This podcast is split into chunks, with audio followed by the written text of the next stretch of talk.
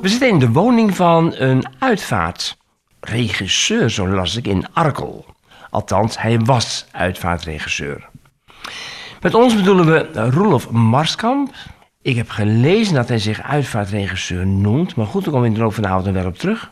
En mijn naam is Arie Slop. In deze uitzending staat de uitvaartbrand centraal. Een brand die volgens mij voortdurend in de ontwikkeling is. Roelof, jij bent actief in deze brand geweest, moeten we zeggen. Maar de grote vraag is, hoe raak je hierin verzeild? Bij mij is dat onverwachts gebeurd. Ik heb bij een bedrijf gewerkt 26 jaar lang, een farmaceutische groothandel. En op een gegeven moment kom je op straat te staan. En als je dus 26 jaar ergens gewerkt hebt en je staat op straat, dan denk je, ja, wat ga je nou doen? En via via, uh, vanuit de kerk waar ik zat, um, daar was iemand en die heeft een taxibedrijf. Die vroeg of dat ik daar wilde komen werken. Maar naast taxivervoer deden ze daar ook uh, rouwstaties. En ze hadden daar ook een rouwauto staan. En ik vond het taxivervoer, ik vond dat, uh, ja, dat geeft toch een bepaalde stress altijd. Uh, ontzettend veel druk ligt daarop om tijd ergens te zijn. Maar die rouwauto die stond daar zo mooi te glimmen. En toen vroeg ik een keer van, goh, mag ik niet op die rouwauto rijden? En dat kon toen nog niet, omdat er toen al twee vaste chauffeurs waren. Maar toen ging er een chauffeur weg. En uh, toen hebben ze gevraagd, goh Roelof, wil jij voortaan uh, rouwvervoer doen? En zo kom je eigenlijk geleidelijk in het wereldje van de uitvaart. Want je hebt altijd wel een kruiwagen daarin nodig. Dus ik kwam eigenlijk door dat rouwvervoer, met name reed ik dan voor uitvaartondernemers. Het was altijd een gesloten kist. En dan reed je van het uitvaartcentrum naar uh, een crematorium of naar een begraafplaats. En zo ben ik eigenlijk begonnen om in contact te komen met, uh, met de uitvaart. Uh, naast dat ik uh, ging rijden, vonden ze me ook al heel snel om zeg maar uh, drager te worden. Dus letterlijk iemand naar het graf dragen. En ik denk dat daar een tijdsbestek in heb, in heb gezeten van misschien een jaar voordat ik zeg maar ook uh, overleden verzorger werd en uitvaartleider. Dus wat moet je daarvoor doen? Je hoeft er eigenlijk niet veel voor te doen, want het is eigenlijk een vrij beroep.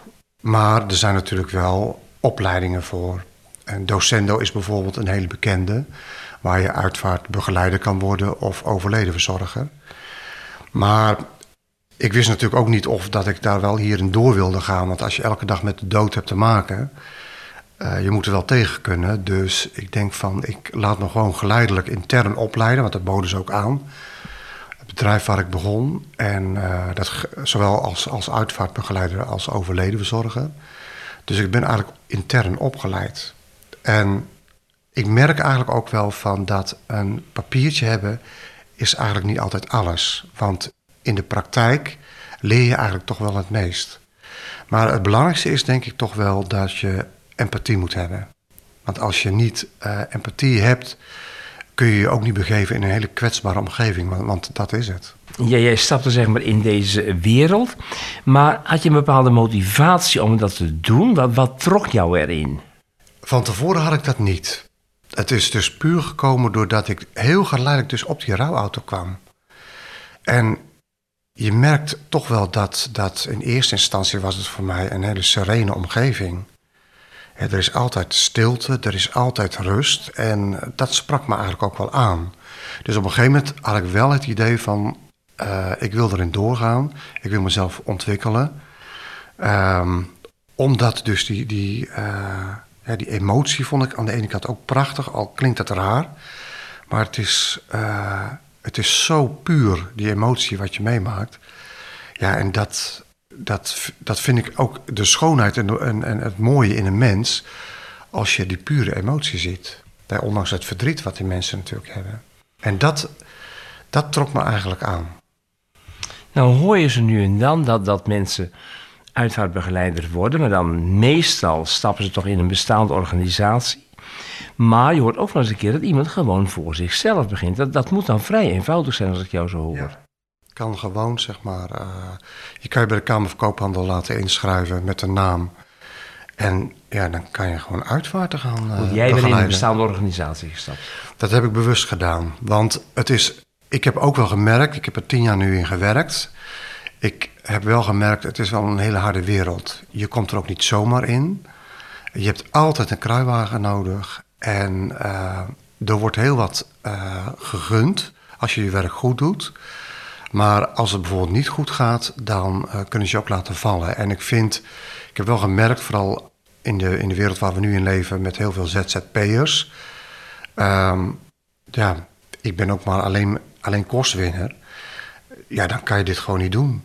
Daar, daar, eh, nee, daar kan je geen, geen bestaan van hebben. Nee. Omdat er ook heel veel concurrentie is. Precies. Dus ik wilde altijd wel in een organisatie, een bestaande organisatie wilde ik werken. Ja. Als je nou het contact leest, nou ja, ik zeg altijd na de Bijbel toch het meest gelezen in de Alberserwaard. En, en de kerkboten die ik dan lees, dan, dan soms heb je een hele pagina met uitvaartondernemingen. Is hier geen sprake van wildgroei? Ik denk het wel. Ah, eh, nou ja, ik denk het eigenlijk niet. Het is gewoon zo. Het is wildgroei. Ja. Vanavond hoor ik pas hier van jou dat je eruit gestapt bent. En we gaan gewoon verder met het gesprek uiteraard hoor. En dat passen we gewoon aan. Dat is helemaal geen punt. Want misschien dat je dan wel vrijer erover kan praten dan dat je anders gedaan eh, zou hebben. Maar is het een harde wereld? Ja, ik vind het zakelijk, vind ik het een hele harde wereld. Dus, dus het werk wat je doet, mensen, families begeleiden, dat is gewoon heel mooi. Maar je merkt gewoon dat het zakelijke aspect is gewoon heel hard. En de afgunst binnen de ondernemers eigenlijk ook. En dat is ook iets dat, eh, daar kreeg ik eigenlijk ook last van. Hè, er wordt ook niet gauw eh, het werk gegund, je moet zichtbaar zijn. Maar eh, er is ook misgunning, als je dat zo mag noemen. Ehm, en dat vond ik eigenlijk zeer vervelend. Want Daar liep je ik- zelf ook tegenaan. daar liep ik zeer zeker ook tegenaan. En dan denk ik van, aan de ene kant is dat gewoon zo zonde. Want ik denk, we weten allemaal waarvoor wij dit werk doen. En waarom moet je elkaar dan eh, ja, werk misgunnen of lelijk over een ander praten? Ja, dat, Kon je er tegen? ik was er wel op voorbereid. Ik, omdat ik natuurlijk heel geleidelijk in dit werk ben gekomen. Ik ben natuurlijk eerst chauffeur geworden en toen drager. Maar dan ben je nog geen uitvaartleider. Dus ik kwam op een gegeven moment, doordat ik chauffeur was eh, of ingehuurd werd als drager, dan kom je bij diverse uitvaartondernemers. En dan hoor je natuurlijk ook nog wel eens het een en het ander. Wat deze ondernemers bijvoorbeeld ook over anderen zeggen. En toen dacht ik, ja Roelof, als je ooit dit werk zelf gaat doen, dan moet je daar wel op voorbereid zijn. Want dat gaan ze ook over jou vinden en zeggen. Dus ik was er aan de ene kant wel op voorbereid, ja. Was de werkelijkheid zoals jij je die had voorgesteld, of was het erger?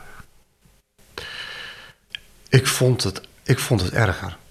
Want het, het heeft me een aantal keren wel echt wel zo geraakt. Dus dat is zeker wel het geval. Maar ik ben me ook wel bewust van... ehm, hè, want natuurlijk kan ik wel vrij praten... maar ik heb ook wel geleerd dat ik in sommige gevallen... ik weet wel heel erg veel. Soms zeg ik wel eens, nou, ik zou bij wijze van spreken John de Mol... ehm, eh, allerlei verhaallijnen kunnen aanleveren over een serie over de uitvaart... Maar weet je, je schiet daar gewoon niets mee op. Want ik denk dan ook van, eh, je moet ook niet dingen los gaan maken... wat misschien weer mensen waarvoor je een uitvaart hebt begeleid... eh, die daarmee geraakt worden.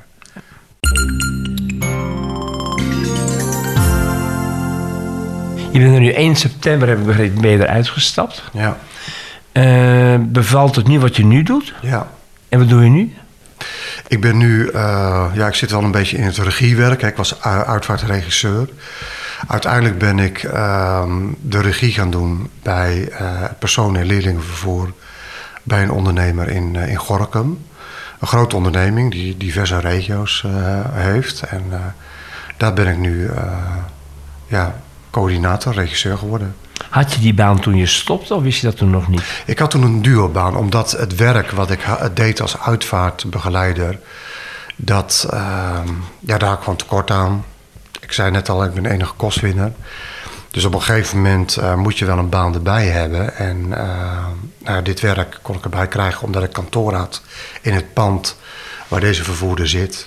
En ehm, ja, daar kon ik mee rondkomen. Naar je zin? Ja, ik heb het prima naar mijn zin. Ja. Kijk, het waren voor mij geen vreemde mensen. Hè. Ook, daar werkte ik al ook drie jaar voor in deze combinatiebaan. En ik heb het gewoon prima naar mijn zin. Maar ik vond het wel heel erg ehm, dat ik op een gegeven moment het besluit moest nemen. Want ik werd uiteindelijk, uh, kreeg ik een prachtig aanbod van een ondernemer in Sliedrecht. En uh, was ook een hele vertrouwde omgeving van mij. Hadden mij vaker ook ingehuurd en uh, ja, prettige werksfeer. Waar ik me ook zeer thuis voelde. En die hadden me echt een, een prachtig contract aangeboden. En ja, op een gegeven moment, ik was dan nog maar net in dienst. En dan kom je eigenlijk tot het besef van, maar wil ik dit? Dus je moest die mensen die het zo druk hebben, moest je dus ook gaan vertellen dat, uh, ja, dat je ging stoppen. En dat was natuurlijk voor hun ook heel vervelend. Er was ook boosheid uh, en verdriet zeker. En dat snap ik ook wel.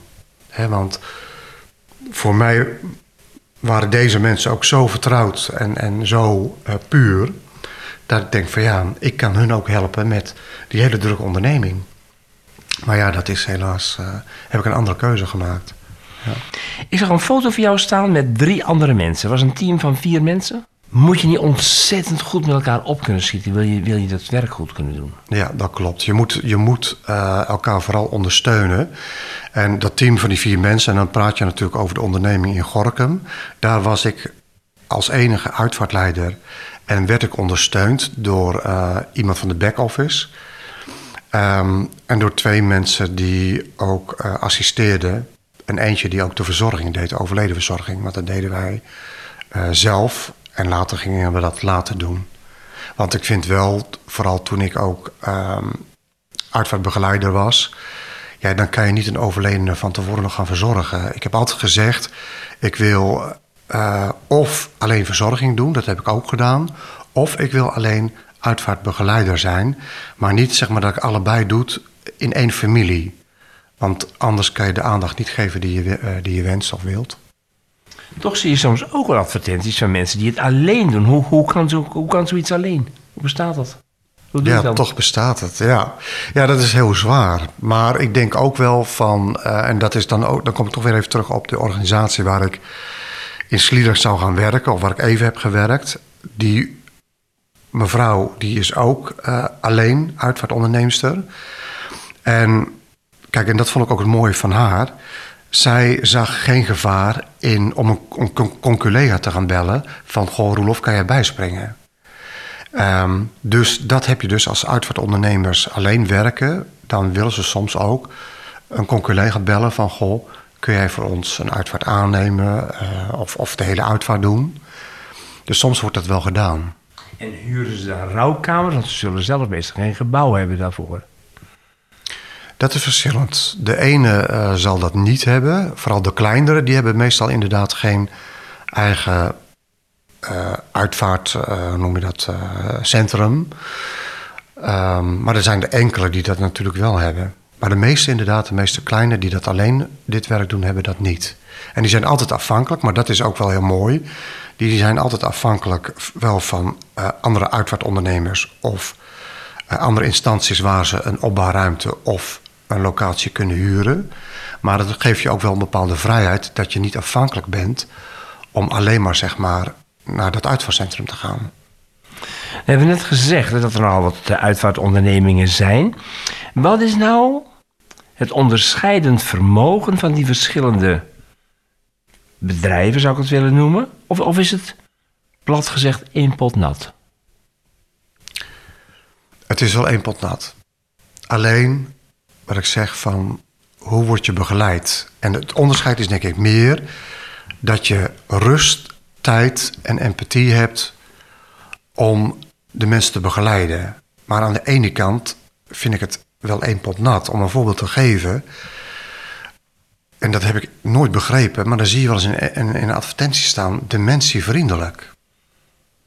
Ik denk, wat bedoelen die mensen daarmee? Dementievriendelijke uitvaartondernemer. Of dat mensen die, die dat niet in de advertentie hebben staan, tegenover een familie en gezin die een dementerend iemand hebben, dat ze daar niet vriendelijk tegen zijn. Het is ook een beetje de, de quotes of de, de termen die het, die het mooi maken. Maar het is niet altijd onderscheidend, vind ik. Ik begrijp het. Nou, e- even, he- heel even hoor. Een, een zijpad. Ik ben zelf trainer bij Samen Dementie Vriendelijk. En ik heb nogal wat uitvaartondernemers eh, getraind, moet ik eerlijk zeggen. En daar merkte ik toch wel verschil tussen de ondernemers. Hoe dat ze omgingen met de partner die achterbleef, die al of niet dementie had. En dat, dat, dat was wel eens een keer iets dat ik denk van nou, misschien dat daar wat meer aandacht voor zou kunnen zijn. Maar los daarvan, het gaat niet om mij, het gaat om jou vanavond. Maar nou, niet zo lang geleden las ik een boek van Ronald Nederveen. En dat ging over de ontwikkeling van het uitvaartwezen in Hardingsveld-Giessendam. En ook een poosje geleden las ik Nieuwe Rituelen van Annegien Ochmer de Boer. En dat gaat allemaal over nieuwe toepassingen, alle mogelijkheden die er zijn. Nou is mijn vraag, wat is nou de ontwikkeling van het uitvaartwezen in de Albersterwaard geweest de afgelopen 25 jaar, bijvoorbeeld? Wat zie je veranderen? Ik denk dat het meeste wat je ziet veranderen is dus dat het niet afhankelijk altijd is van één locatie, maar dat je dus eh, bij wijze van spreken, eh, dat, dat mensen gewoon veel meer zelf kunnen doen. Ze kunnen zelf hun kaarten maken, maar ze kunnen bij wijze van spreken ook thuis, in hun eigen thuisomgeving, in de woonkamer, een dienst houden of in de tuin. Ik denk dat dat eigenlijk het meeste verandering is, dus dat mensen dus veel meer kunnen en met name wat ze in hun eigen vertrouwde omgeving graag willen zien. Het vervoer van overleden in principe ook. Kun je ook in, in een eigen auto of in een eigen kar doen. Dat is denk ik een beetje hetgene wat, wat, uh, wat veranderd is. Want in het verleden werd het met name door uh, ook de kerk, maar ook door, door uitvaartondernemers aangestuurd dat het eigenlijk zo moest. Maar zie je die veranderingen ook in de Albersterwaard? Of zijn dat veranderingen die je in zijn algemeenheid ziet? Nou, ik zie het weinig in de Albersterwaard, moet ik zeggen. En dat snap ik eigenlijk ook wel, omdat je daar natuurlijk... Uh, dat, dat, dat, uh, ja, we vallen toch onder de Bijbelbelt. En met alle respect zeg ik dit hoor, want ik ben zelf ook christenen. Maar je merkt wel dat, um, dat wij heel erg traditioneel zijn van hoe iemand... Ja, begraven moet worden. En daar zit dan toch vaak de eenvoud in. Wij willen niet, zeg maar, zo gauw uh, een borrel met bitterballen, bij wijze van spreken. Ik zeg maar wat. Dus, dus ik wil niet zeggen dat, dat... Kijk, ik heb dat wel gefaciliteerd. Kijk, crematies heb ik ook gefaciliteerd. Al denk ik er zelf anders over. Maar ik ben daar niet degene die daarover wat moet vinden. Het belangrijkste vind ik altijd, wat willen de nabestaanden? Dus vandaar dat ik ook uh, daar altijd heel makkelijk mee omging. Merk je verschil tussen, je hebt, je hebt in Gorkum gewerkt, nou laten we Gorkum een stad noemen. Je hebt op, op het platteland gewerkt. Is er verschil tussen stad en platteland op dit gebied?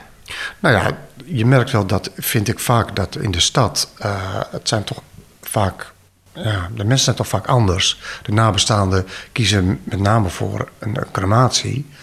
Dus ik heb het idee dat dat aantal van cremeren daar hoger is dan bijvoorbeeld op het platteland. Ja, precies.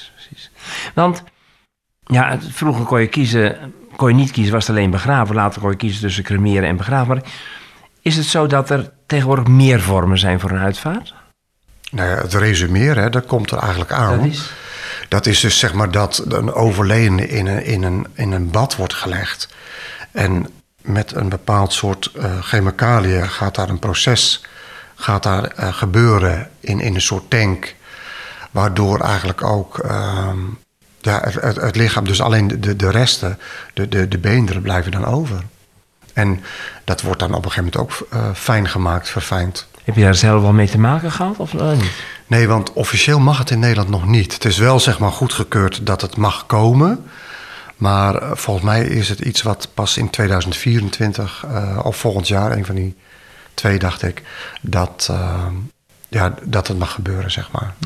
En natuurbegrafenissen, doen we dat hier in de streek of kennen we dat niet? Weinig. Je hoort eigenlijk heel weinig over. Maar als je met mensen praat over dat dat ook een mogelijkheid is op een natuurbegraafplaats, dan merk je ook wel dat uh, dat, dat mensen wel aanspreekt. En met name doordat uh, vaak op een natuurbegraafplaats, dat je echt daar de eeuwige rust kan krijgen. Want, want op gemeentelijke begraafplaatsen kan dat tegenwoordig niet meer. Er zijn een aantal gemeentes die, die hebben daar wel een uitzondering in om een eeuwig gedurend graf te kopen. Uh, maar op een natuurbegraafplaats kan het sowieso. En wat ook heel erg mooi is, daar heb je dus ook de serenheid Je ziet daar geen paden met grafzerken. Het, het is ook altijd een hele rustige omgeving, een rustige aanschouwing. Dus het spreekt mensen wel meer aan. Maar je hoort er hier nog te weinig over. Want wat is het dichtstbijzijnde natuurbegraafplaats? Ja, ik weet sinds kort dat in de buurt van Kaatsheuvel... dat daar een natuurbegraafplaats zit. En in Alphen in Brabant. Je hoort wel eens een keer dat, ehm, dat mensen voor een vorm kiezen... omdat die goedkoper is dan de andere vorm. Wat, wat, wat weet jij daarvan? Ja, nou ja, weet je, dat is ook het eerste waar een uitvaartbegeleider mee te maken krijgt. Van, uh, je gaat natuurlijk met, met de nabestaanden uh, alles bespreken. En um, vaak vraag je dan ook of dat iemand verzekerd is. Um, want mensen die zien niet altijd, denk ik, goed in dat een uitvaart dat dat kosten met zich meebrengt. Gemiddeld ben je denk ik rond de 8000 euro kwijt voor het begraven en rond de 6000 euro voor een uh, crematie. En ik zeg ook altijd tegen mensen, uh, dat werk heb ik ook gedaan. Ik heb samen toen met iemand gewerkt uit Brabant. Wij maken natuurlijk ook wel eens mee dat je mensen die uh, door de sociale dienst bij je terechtkomen, of mensen waarvan je echt weet dat zij niet breed hebben.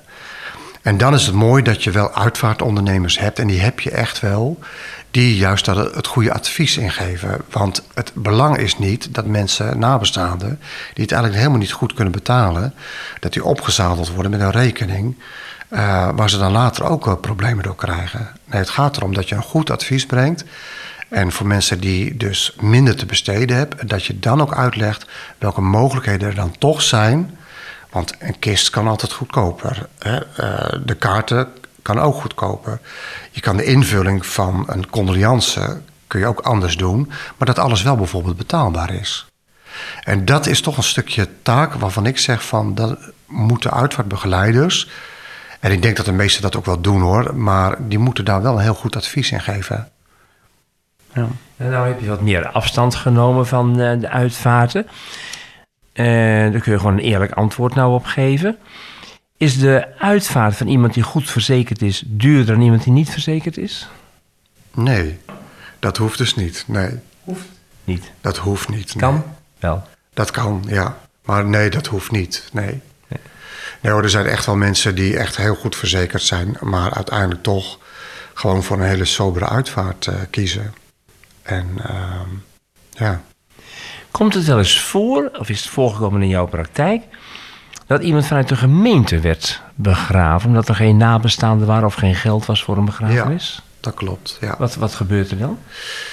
Ja, uh, kijk, de, de gemeente maakt een afspraak met de uitvaartondernemer... en voor dat bedrag moet een uitvaart uh, gedaan worden.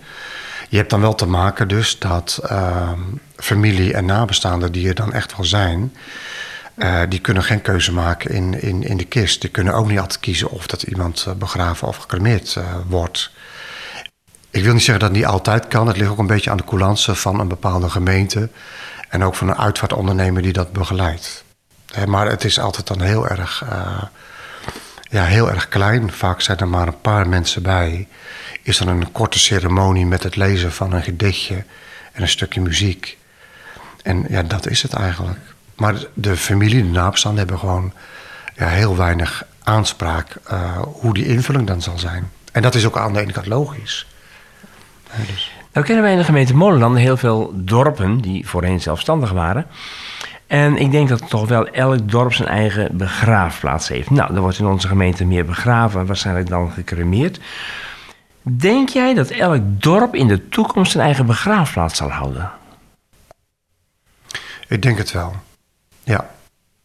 Er zijn altijd mensen die misschien ook ervoor kiezen dat als iemand zijn hele leven op een dorp uh, heeft gewoond, om daar ook begraven te worden. En dat je die mensen en, en als een familie met name ook gecentreerd is rondom dat dorp te wonen, dat ze toch altijd die plek willen hebben om daar naartoe te kunnen gaan. Want dus. pas bij het ontstaan van Molenland is toch de discussie gevoerd van uh, kunnen we geen begraafplaatsen samenvoegen. Ik kan me tenminste herinneren dat voor Noordloos zou dan worden gekozen voor Hoornaar. En ik, ik bedoel het niet zoals ik het zeg hoor. Maar ik heb altijd gezegd, nou als Hoornaar de begraafplaats wordt van Noordloos... laat ik me nog liever cremeren dan dat ik in Hoornaar begraven word. Dat is toch een bepaalde mentaliteit die heerst bij ons. Dat, dat, Ja, maar ik, ik, ik kan dat gevoel, ik kan me dat wel een beetje voorstellen, ja. ja. Maar goed, jij interviewt mij, maar ik wil haast de vraag voorleggen van waarom, waarom, waarom wil je dan liever gecremeerd worden? Wat, wat, waarom omdat vind je, in waarom vind je dat een worden. probleem? Omdat ik niet in Hoorn begraven wil Ja, maar waarom niet? Nee, maar dat, dat is van vroeger. Ik heb dat niet hoor. Ik, ik ben later in Noorders komen wonen. Maar je hebt toch het onderscheid tussen dorpen. Dat ze zeggen, nou, iets, iets hoort toch bij een dorp. Net zo goed als een voetbalvereniging bij een dorp hoort. En heel lang ook een brandweer bij een dorp heeft eh, gehoord. Dat mensen zeggen van, Ja. Kijk, en dat is denk ik ook de reden dat, dat de begraafplaatsen op een dorp, dat dat altijd zal, eh, zal blijven, staan, Ik blijven bestaan. het. Ik hoop het van harte. Hoe zie je de toekomst van het uitvaartwezen? Zijn er veranderingen of opkomst? Of zeg je nou, binnen de komende 10, 15 jaar zal er op dit gebied niet veel veranderen? Ik denk dat de uitvoering van uitvaart, dat dat allemaal wel een beetje hetzelfde blijft. Daar zal echt niet veel in veranderen.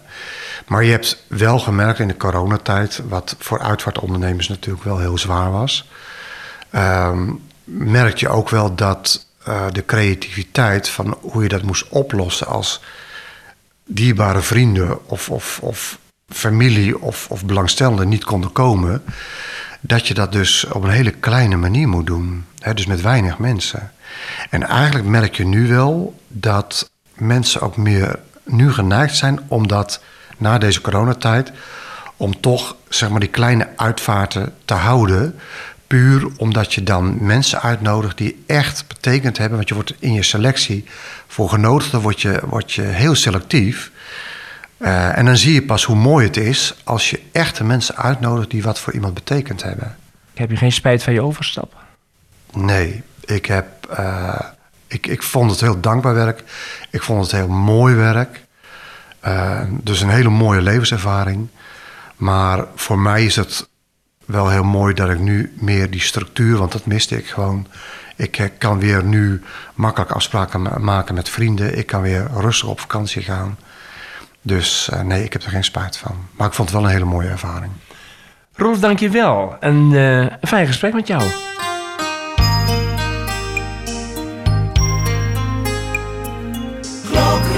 Klokradio.